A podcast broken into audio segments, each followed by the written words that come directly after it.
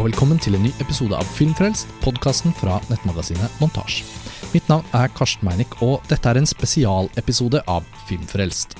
I samarbeid med Film fra Sør-festivalen i Oslo har Montasj i flere år hatt ansvar for et regissørportrett eh, under festivalen. Altså at hedersgjestene som kommer til Oslo for å vise filmene sine på Film fra Sør, stiller til en samtale på Filmens Hus i Oslo i forbindelse med en av visningene.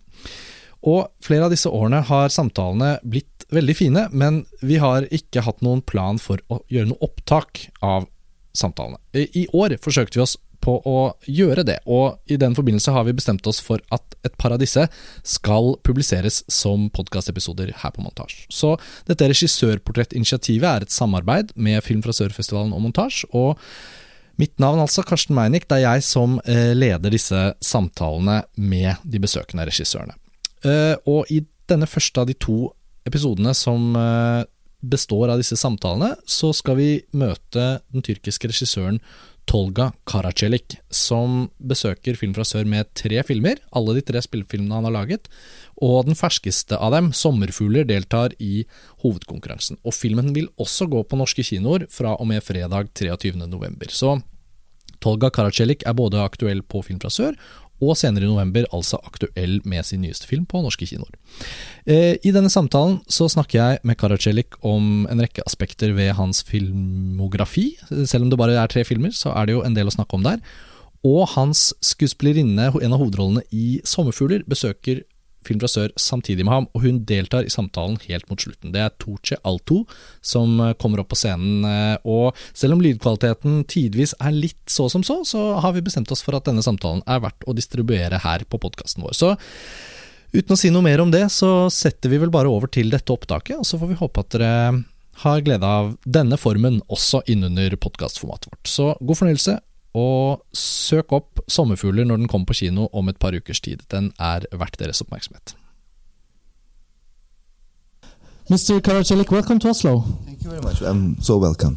So, uh, to the audience, so how this works, we've, we've done this kind of talk a couple of years in a row now. Some of you might have attended one of these before, but uh, as an editor of Montage, I work as a film journalist and critic, and I get the chance to meet a lot of films during the year, but also filmmakers. And I'm really happy to lead this conversation with Tolga here this afternoon. And after our talk, you'll see his most recent film, Butterflies. The title is Sommerfugler in Norwegian. Um, and all of your three films are being screened at Films from the South Festival this year. So, just to begin somewhere, you're a pretty young filmmaker. How does it feel to already have a retrospective? Uh, I thought that last I had spoken with my doc doctor, and uh, maybe he knows something better than I do about my health. If am I gonna die or something? I'm just 37 years old, so I was I was quite actually excited to be showing all the three films because uh, I always like watching films of the uh, of the uh, films of all the films of the directors that I want to uh, like how can I say experience or mm. so I think it will give you a uh, more idea about what I'm trying to do. Absolutely, and I think for our conversation now, it feels natural to talk about uh, your three films chronologically. So we'll start off taking a little taste of the first film and your second film, and then your third film, which will screen tonight, will talk about it, but try to not talk too specific about the plot, as you will be watching the film in a few minutes. And for that part of the conversation, we'll also welcome Tuğçe to the stage. But Tolga, to start off, your your first feature film, it's called Toll Booth uh, and Gişe Memuru in Turkish, and it is the kind of film that feels, at least I felt, very much like making a, a, a kind of discovery many of you have probably seen films that are someone's first film, and there's always an element of observing an artist that tries out stuff and might put some personal things in it and might even try more than you know. There's like the, the, the, the training ground of a lot of ideas. But your film is both that and very precise because it has this idea of the toll booth, this uh, isolated location. Uh, could you take us a little bit through your original idea? Uh, what was the starting point for for that film? All my all my films are kind of like personal. I can't do anything other than that. I never wanted to become a director, to be honest with you. I always the, the the things came to me. I wanted to tell the story of Tollbooth because I wanted to tell my story, which was I was working in this office job, eight to nine, eight to six. Thank God, not eight to nine. they would try that, though, wouldn't they?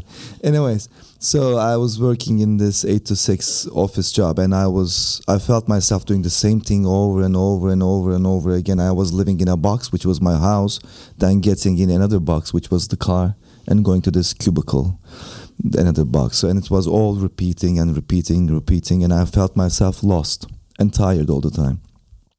And then I saw this toll booth guy doing the same thing over and over and over again, and I wa- so I related with him. Then I started to write, send letters to the syndicate of toll workers, harassing them, saying that I want to meet with you guys. I even wrote, I always write poems of the movies before I start writing about it, uh, even the short films. It always happened like that. So I sent that poem to a syndicate, and like it was quite fun of my friends. Then they called me, and I worked as a toll booth guy. To be honest with you, it's like uh, a month in the actively, and other than that, I spent three months in the toll booth area because it was my way of getting out of my own toll, actually, out of my own booth. So um, toll booth is about that actually.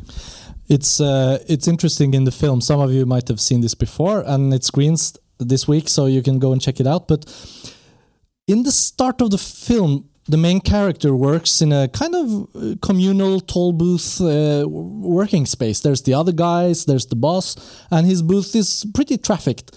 But at some point in the story, he gets sent to the most remote toll booth. So one thing is being in the toll booth all day long, but another thing is being in the toll booth that is the most far away from anything. And for anyone who has been in Istanbul, you have to go pretty far to find the very remote location. Um, that contrast, um, because because we get to know the, the guy at home, he lives with his father. Uh, when did that idea appear that you not only wanted to portray him in the toll booth, but to send him far, far Well, the idea started like this, to be honest with you. The first time that my uh, interaction with the toll booth guy was this. It was my line had come, and I said, well, I don't know the word to word translation in English. I don't think it exists, but maybe you can help me, Karsten. It was like, kolay gelsin. Like, how do you do it? yeah, m- must it come easy to you or something yeah, like something that? like that. And it's common saying in Turkish, like so someone's doing a job, you say that. And he looked at me like I had cursed at him. and I thought it was always like, yeah, come and do the job if you think that can come easy. But then I realized after three days it was not that actually. It was I took him out of his monotony. I took him out of being a machine which you could continue surviving, and I made him a human again. And he would suffer to get back to the being a machine because there's just a machine doing the same job in the next booth actually. Hmm. So that was the dilemma of being a toll booth guy. That was the dilemma of me working in the office. The times hurt much was the times when I felt like human. when you realize you're So- human. yes, uh, because the, I could continue the day, and I then I could not count the hours if I just stopped myself, like uh, thinking or feeling anything. Then the time passed easier. So that was the idea of and the dilemma of Tollbooth. That's why I took him from the most uh, busy toll booth area to the remote one, and he was really doing good in the busy one. Yeah. But when you took him away to the booth, he needed another thing. He needed another things to continue his life. So that's when the movie starts. Yeah, and this man becomes stripped sort of of his secure machine life, and and uh, Yes. he's um, he's almost uh, infected by human behavior, and he doesn't know how to handle it. And your film moves. We'll talk about this on the other two films as well. But Tollbooth is the kind of film where you where you find a lot to smile about because the irony of life can be humorous. But as the film moves on, it stops being a comedy and becomes this sort of psychological portray of loneliness and all the answers in life that you never touched in a way the, the parts of your life that you don't want to touch and you don't want to talk about can you can you talk a little bit about the writing process towards sort of that genre landscape between comedy and, and a more serious Well, I think drama? when I die on my tomb, it will be written what was the genre. Because all my three films, it was always the same question. So, what's the genre of this film? I like going through and going within the genres and passing them and like mixing them because I think life is like that. So uh, that's why I don't stick with one genre. And the thing is, when they asked me what the genre of Tollbooth was, I always answered like this: I it was a comedy, but I'm not a funny guy, so, so It's a failed comedy. it's a, it's a failed comedy. It's not a failed. I, I intended to do that because I always felt the most lonely person in the world when I laugh amongst my friends because no one's laughing. So uh, it's a comedy of that guy shooting that movie. So, yeah. I like uh, I like also how you in your first film already have a very stylistic approach or a visual idea all the time. In almost every location in your film seems to be treated cinematically, and by that I mean that you know you can compare films to literature because there's a narrative, and you can compare it to theater because actors play out the dialogue. But in the end, we have to rely on cinema to provide us with some imagery and some some moods that might only be cinematic. And I think that. Um, it's interesting to see how your collaboration maybe you can talk about it with your cinematographer and the way some of these rooms become really vivid. Uh, the toll booth is very static but but still at the same time it comes alive through your variation of imagery and uh, yeah the whole rhythm of the film uh, is not uh, very monotone. It, it changes. What what I think what I realized when I was I think 28 really I realized something about what I want to do. It's about what art should be about. I think this age we are too much concentrated on art with prospectuses. That's intellectually satisfying us which is I don't look down on it of course. But we forgot I think what it was in the beginning. It was for here making us feel. And cinematography is part of my films but not all because I'm bored about just films that are trying to create mood with only one way of filmmaking, which is cinematography. So in Butterflies, for example, I to, try to take it back a little bit, just to push my characters' feelings more inside. Mm. So in Tollbooth, yes, it is more about that, but everything is just for there to serve the purpose, which is to make you guys feel because I, I that is the main important for m- thing for me. Like what I'm trying to under, to trying to tell, I should continue telling it without compromising, but also making audience feel is my aim. it's it's very true and i think i feel that from your films but but a lot of the feeling and empathy through watching a movie is through the through through the people we meet and of course the, the close up is the most famous uh, vocabulary of cinema that can make us come so close to a person. And uh, the actors in your films are really interesting to to try to analyze. I was preparing and i was looking and thinking well there's one acting style here that's very sort of realistic and believable. And then there's the more stylistic acting. And then there's the uh, in the third film a lot of actors together all the time you know playing up on each other could you talk a little bit about that how how have you evolved like what was it like starting working with actors on toll booth and how did it change for you through the films It didn't change. The stories changed, and every story has different needs. And uh, as between my films, you will see the differences of the genres. Also, what I'm shooting, and the style is also changing in a way because I want to just to tell that story. And Tollbooth needed something else, more cold approach and distant, but still, that was the scream of the guy. So the acting was according to that, and it was built amongst that. So I needed side characters to uh, bring the dynamics and show his incapability of coping with it.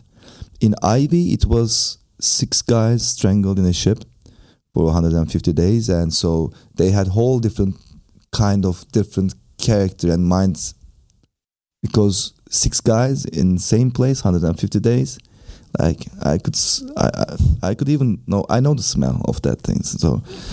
And uh,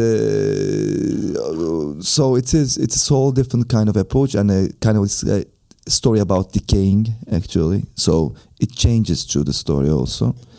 In this one i wanted butterflies. I wanted to shoot a story about ungrown ups because you will see soon. And so the way of acting had to be naive and like childlike. Even their discussions should be like that. So it was different approach but still believable. But also sincerity should come from the naivety of those characters. So it was different. But all of them, in all the movies, I want to create a reality of its own. So the cinematography should be according to that, the music should be according to that, sound design should be according to that. But it has all different kind of realities in a way, and approach to the reality. Always kind of like a touch of magical realism you can find in my movies. So far, I don't know, I'm just 37, but uh, so far it's been like that. But the reality, the concept of that reality should always serve to make the audience believe in it. So Yeah. it's different approaches of acting also.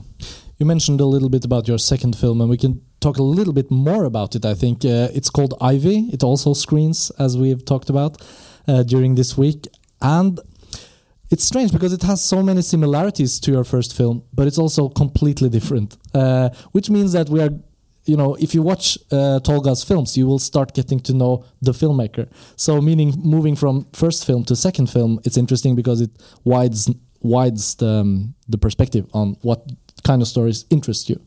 So, Ivy, as you say, it's also an isolated location, not a toll booth, but a huge cargo ship, but with almost no people on it. So these six guys that are left on this ship, is it outside of Egypt or uh, some place? Um, so the ship is uh, the, the the company that we never see but hear about. It's bankrupt or something has happened. The sh- yeah, the ship is just uh, uh, frozen almost at sea, and these guys have to remain on board to just keep it, and the captain and the other guys. So it felt immediately to me when I finished watching it because it's a, fan, it's a I really recommend all of these films. And Ivy is one of those really puzzling um, films that you you you watch it. And as you think you know the film it changes and it becomes something else. And then it changes again and it's very unpredictable. And I love unpredictable movies. But at the end I thought this is this needs to f- I feel it's an allegory of something. It's very realistic but it's also you talked a little bit about it when we did an interview before the festival that uh, in a way it kind of feels like science fiction. You know old science fiction movies when a spaceship is just lost and it just travels through space and there's some people on it? Feels like that in a way. What was the inspiration? Because it went five years from Tollbooth till Ivy approximately what, what was the reason for for this idea in itself? Was it uh, It was, was, it it was it was uh, government coming into my bedroom to be honest with you. Even trying to come into my bedroom. So uh, a normal I Turkish to- experience? Yes I had to fight it back. And as my uh, main character says you call me son of a bitch and I will act like son of a bitch. That's my way of acting like a son of a bitch as a filmmaker so uh, the the thing is uh, between after Tollbooth I actually finished writing butterflies first. Then I forgot about butterflies because it was after the loss of my uncle to satisfy my reconcile reconcile with the idea of that it was, and I satisfied that, so I put it aside. Then I always had this idea about this uh, film. It was like I think while I was writing Tollbooth, it was uh, I read. Um, one of my friends was a translator for a lawyer, and he she gave me a page of a defense of this oil guy in the bulk carrier ship uh, that had stabbed the captain in Malta or Gibraltar. So he they were strangled in the sea. It is. I finished law school, by the way. I never studied filmmaking. Uh, I never went to university or anything like that for cinema. So uh, when a bank, when a ship uh, owner goes bankrupt, uh, according to sea uh, laws, one guy from the deck, a captain, uh, two one of the, one a sea, able seaman, and one a, one crew, one from the kitchen, and one from the engineer is picked and stays on the ship because you cannot just park the ship like you park a car. It's something might bad happen to it, so they have to stay on the ship and until the problem is solved. So it is a common story that's in the shipping world happening. So uh, I use it as an allegory to deal with the power and status quo. The main line while I was writing is, well, the sea is sh- finished. The ship doesn't move anymore. So what do we do with the captain? It was just before Gezi protests in Turkey, and then Gezi started. So after I shot the film, So it is uh, dealing with power struggles, the hierarchy and status quo, and these things. And I was reading, I was influenced a lot about with Samuel Taylor Coleridge, Herman Melville, and Joseph Conrad. Mm. So I dedicated that film to those three big authors, masters, and the movie continues the track of uh, Ancient Mariner of Samuel Taylor Coleridge, who was a great intellectual for me.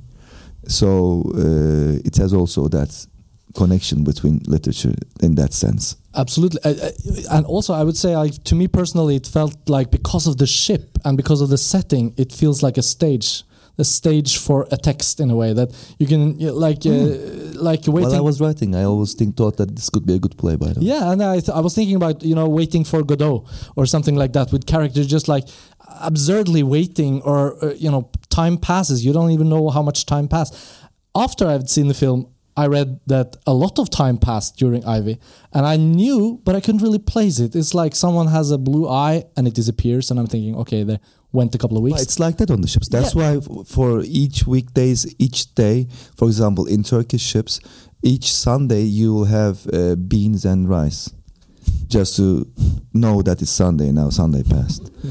Time passes like that on ships Yeah. because I worked on a ship while I was writing again. okay For a month, I worked as a sailor. I cleaned toiletry. I so I did raspa and I did all those things. So I did you fight with the captain no, but someone fought with me. I got a I Okay. got my ass kicked really bad. because this is a very it's a very masculine world we see in ivy because of these It men is. they are locked in they have no there's no soft spots in this ship It's like them. fighting in an elevator. It's, Yeah. seriously, it's, it's not logical. but uh, talking about genre again because you love talking about genre and there's Yes, no yes. answer it feels like film is about to become a horror at some point you, you think like Thriller. now thriller horror something something scary but then it doesn't really become that either um, is it like you're playing a sort of game with audiences with your films that you're thinking the convention of genre is always with us because we've seen or read and we know how a story is about to move is it conscious for you to try to no, play with it because all of my characters so far had been in unsafe places, unsafe zones, unsafe psychologically. Yeah. Uh, so, uh, if you had realized, if you felt yourself in the safe waters and you can guess what's happening, you wouldn't be with my characters. I want you to be with my characters. I want you to feel what they feel. That's why. yeah And in real life, the genres don't work. No, they don't. And and if we expect real life to play like a genre, we're going to be disappointed. Well, my, my thing is, I never want to create a real life, to be honest with you, but I want it to be real. And uh, I want it to be, of course, I want you to follow the story, of course. So if you think you know the answers, I think I didn't do my job good. We're going to move to your third film, the film you'll see tonight. And for that, it feels uh, finally good to welcome to the stage the actress Tuğçe. Welcome. One of the actors. Turn it on. Yes. Welcome to you as well. Thank you. Welcome. Hello, everyone. So, Butterflies, this film, uh, is another step in a new direction, I would say. Uh, if I expect you all to, to make this discovery of uh, Tolga's three films. So, after having seen the first two ones, uh, you move into the world of Butterflies. And uh, to not say too much about the story, in the center, there's three siblings a sister and her two brothers. And I know this is the first film that you've worked on together. And your background is from theater, I think. Uh, Yes, Yeah, am I yes. correct? Yeah. So, uh, reading this script and sort of getting to know the, this film world that he's about to create, what was your first impressions of this of this girl and her brothers, uh, the world you were moving into? Uh, when I first read the script, I laughed a lot. Uh, it was very uh, good script for me. Uh, the it uh, the sense of humor was very very similar to me. Uh, so I love the same things with you. um, and the characters also uh, very very uh, good characters, especially my character Suzanne. Uh, I have never uh, read that character before, Uh, I, I was excited. I am excited. I was excited. It's it's it's uh, the three siblings story. It's it's it's so uh, attractive somehow. It's it's like um, familiar to me. I, I have a sister, only one sister. I don't have a brother, but uh, I felt familiar.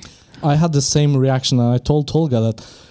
Uh, well, my first question would have to be like, uh, these siblings feel so real. I know them. Uh, wh- wh- what are they inspired by? Th- this seems like so true to life, talking about realism, but the story has this also poetic quality that makes it not sort of hardcore realism, uh, you know, that style. And and uh, it also is about the writing, as you will see. Uh, the first few scenes, it's like the movie has almost been going for a while and then we start it because it's very dramatic right away your character I and her represent the dramatic part, Exactly. especially. yeah so uh, Yeah. tolga let us know a little bit about uh, the background here Wh- who are these siblings for, for you where did they come from I don't know where they come from, to be honest with you. And but the thing is, I I start the reason that I I started writing this after I lost my uncle, and my uncle was a poet, and uh, he made me read. My the first thing I read was Iliad of Homer when I was like five years old. He made me read typical children's literature Yes. Yeah. He made me read Mayakovsky when I was like eight. I knew that Yesenin died with, with his last poem, Blood. And when I was like 10, made me read Kafka. He was translator of Kafka when I was 11. And I thought Kafka was comedy. I still think Kafka is comedy. So, and but you don't know about genres, so that's okay Yes, that's why. Well, uh, Dostoevsky when I was 12, and it goes on and on, and like uh, basically fucked my life when I was a small kid.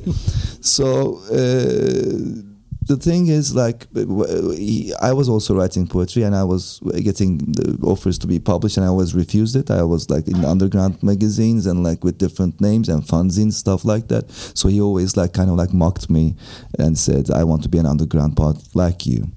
So when he died, they made me do the speech, and I am just there standing on the grave. He is there, and uh, I said, "Masar, congratulations! You always wanted to become an underground poet. now you had to become so one." you're funny Yes. I think in North people like me, not in where I come from. this is the same common sense we share. So Imam was not laughing. and uh, a couple of months passed, and uh, my uncle, we call everyone uncle in Turkey, another uncle called, said we are with Masar. So I went there, and uh, in a fish restaurant, I was I missed him. I realized I'm Uncle Pest. He, they called me, and uh, I sat in front of him, and I realized it's not Masar, it's Hassan. I misheard him, so I started crying like a Japanese cartoon through the glasses like this.